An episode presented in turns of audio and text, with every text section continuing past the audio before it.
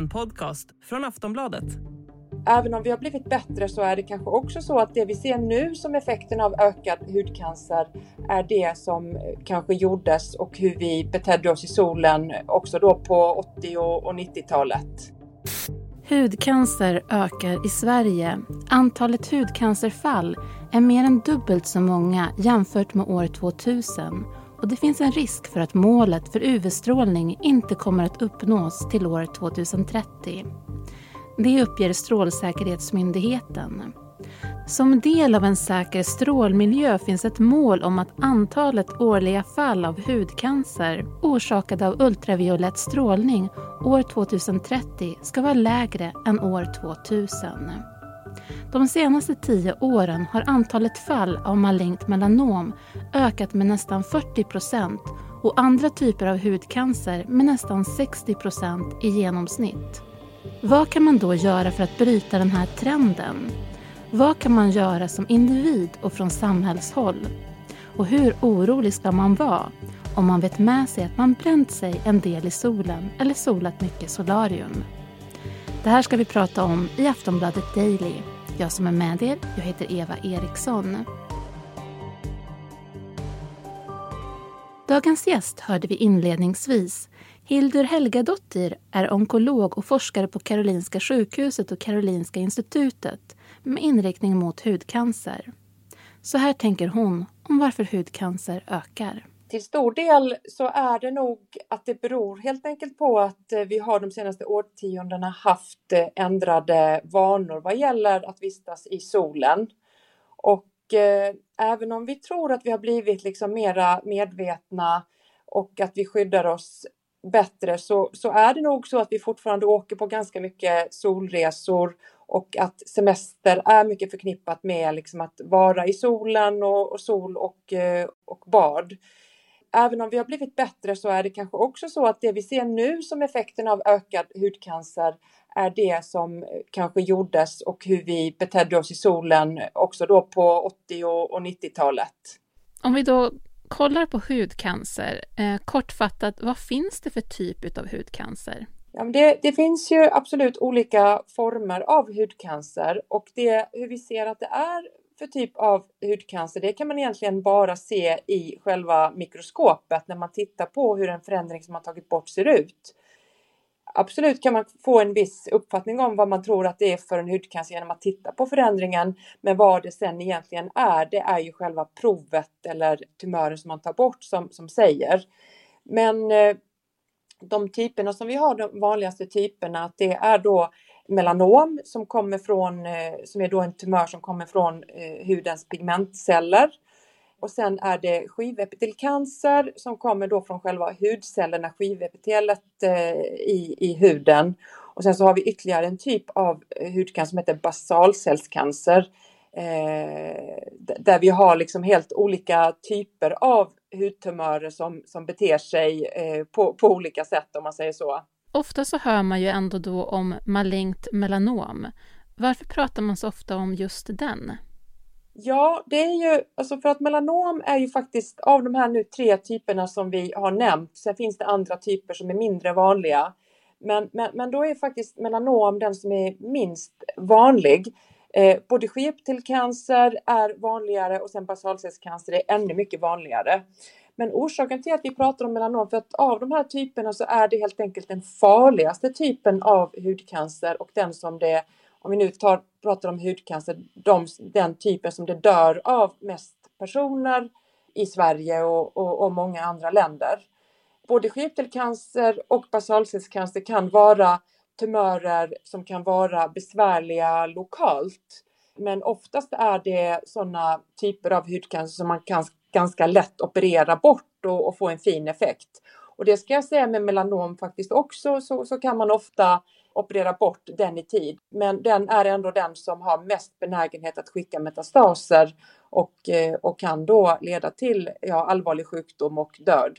Vad kan man som individ tänka på? Ja, alltså det som man behöver ju tänka på, det är liksom ett förhållningssätt Eh, i solen. Naturligtvis behöver jag inte ens säga att solarium ska man ju inte göra.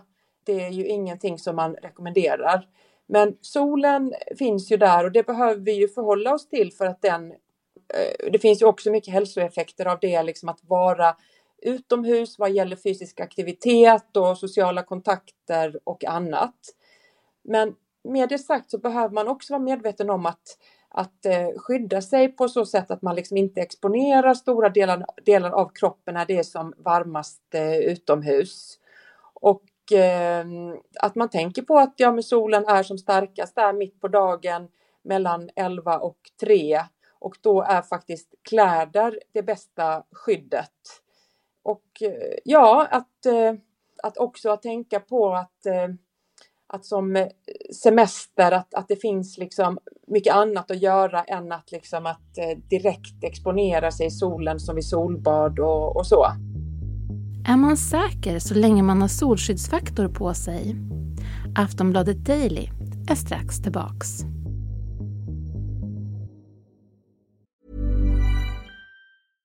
Cool fact a crocodile can't stick out its tongue. Also, you can get health insurance for a month or just under a year in some states. United Healthcare short term insurance plans, underwritten by Golden Rule Insurance Company, offer flexible, budget friendly coverage for you. Learn more at uh1.com.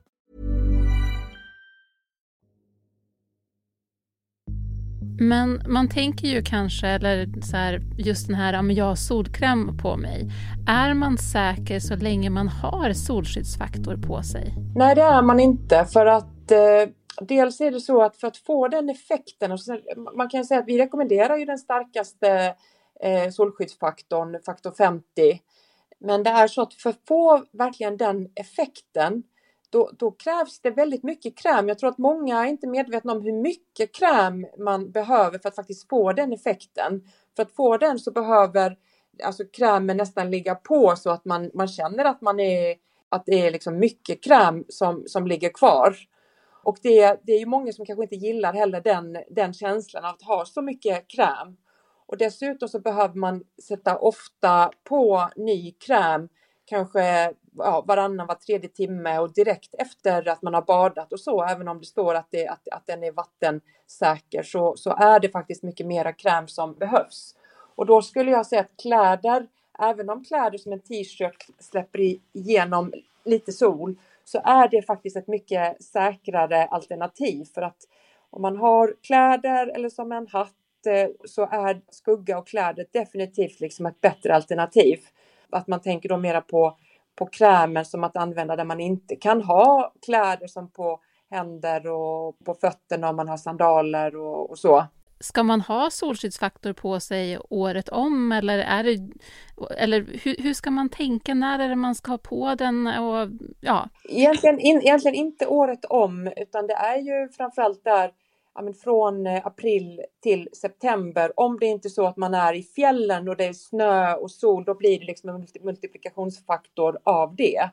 Men, men framförallt där, ja, redan nu när det är april, så uppnår ju solen den, den styrkan att den kan liksom börja bränna huden. Men här i Sverige på de andra liksom kallare månaderna så behöver man inte det. Men, men absolut från april eh, och, och, till och med september. Om man har bränt sig rejält oavsett sol eller solarium, finns det några långsiktiga risker med det när det kommer till hudcancer? Ja, alltså det, det, har man ju sett att för varje gång man har bränt sig så ökar risken för att få hudcancer.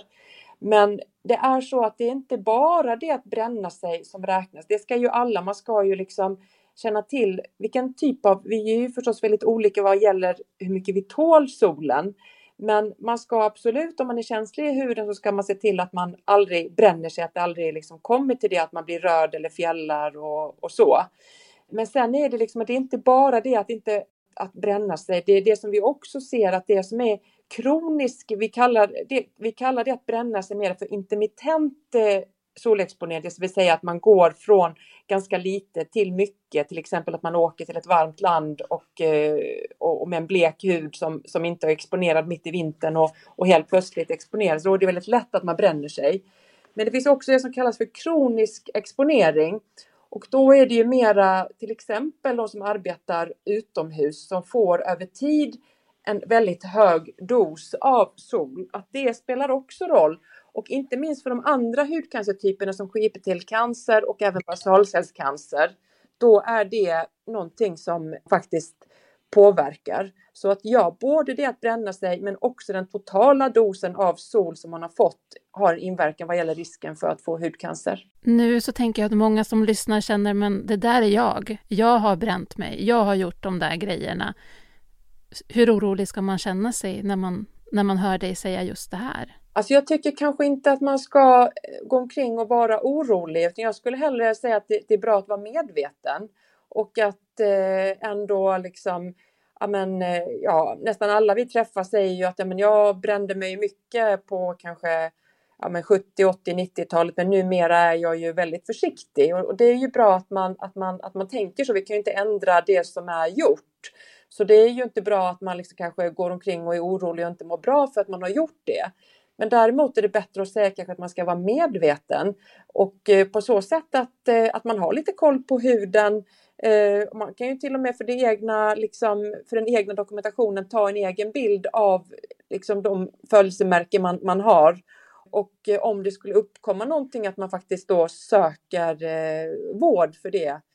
Ofta går det alldeles utmärkt att i första hand söka till, till, till vårdcentralen. Hur vet man att man har då ett födelsemärke eller någonting annat som bör kollas upp? Den viktigaste enskilda faktorn det är att om det är någonting som håller på att ändras över tid, det vill säga om man har ett märke som börjar ändra sig, eh, börjar ändra form eller färg eller börjar klia eller blöda eller man får en helt ny förändring som inte har funnits där tidigare. Att eh, en sån förändring kan man söka vård för, eh, till exempel på en vårdcentral alternativt om man, om man kommer till en, en, en, en hudläkare. Just det, och finns det något annat som inte är just födelsemärke som man ändå kan vara, det kan vara bra att vara observant på? Absolut, alla förändringar är ju inte födelsemärken och till exempel är det, är det ett melanom eller eh, andra typer av hudcancer så är det ju på definition inte ett födelsemärke utan det är en annan typ av förändring. Utan är det en, eh, ja, en, en avgränsad förändring som, eh, som ja, att en prick eller som något, någon någon liten sårighet eller, eller, eller, eller annat, att då, då ska man söka för det.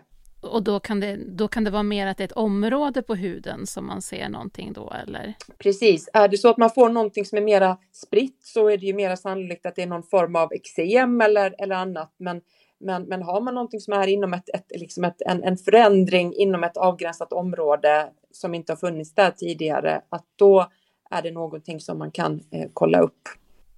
Om man har fått konstaterad hudcancer, hur stor är chansen att bli bra?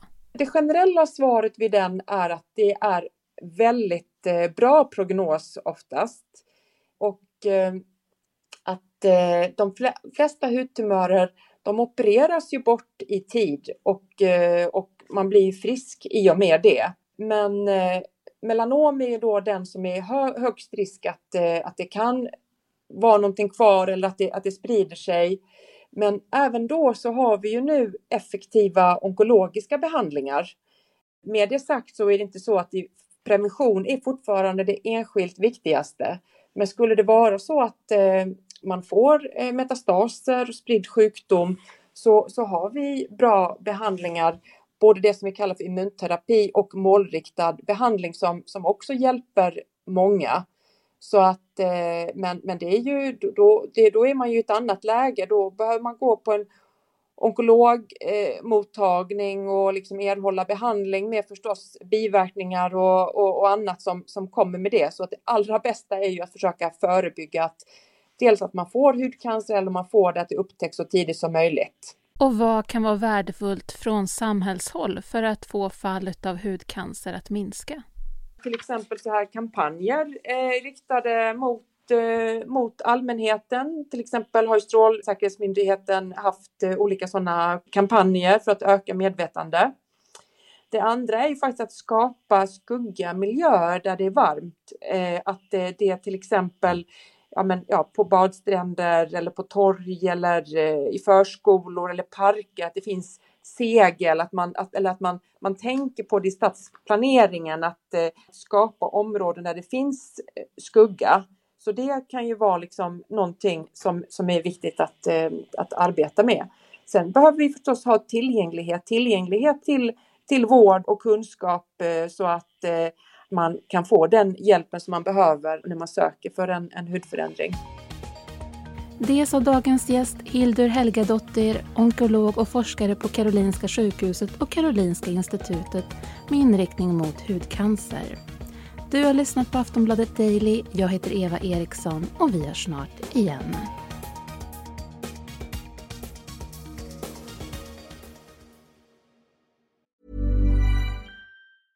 A lot can happen in three years, like a chatbot may be your new best friend. But what won't change? Needing health insurance. United Healthcare Tri Term Medical Plans, underwritten by Golden Rule Insurance Company, offer flexible, budget friendly coverage that lasts nearly three years in some states. Learn more at uh1.com. Du har lyssnat på en podcast från Aftonbladet. Ansvarig utgivare är Lena K Samuelsson.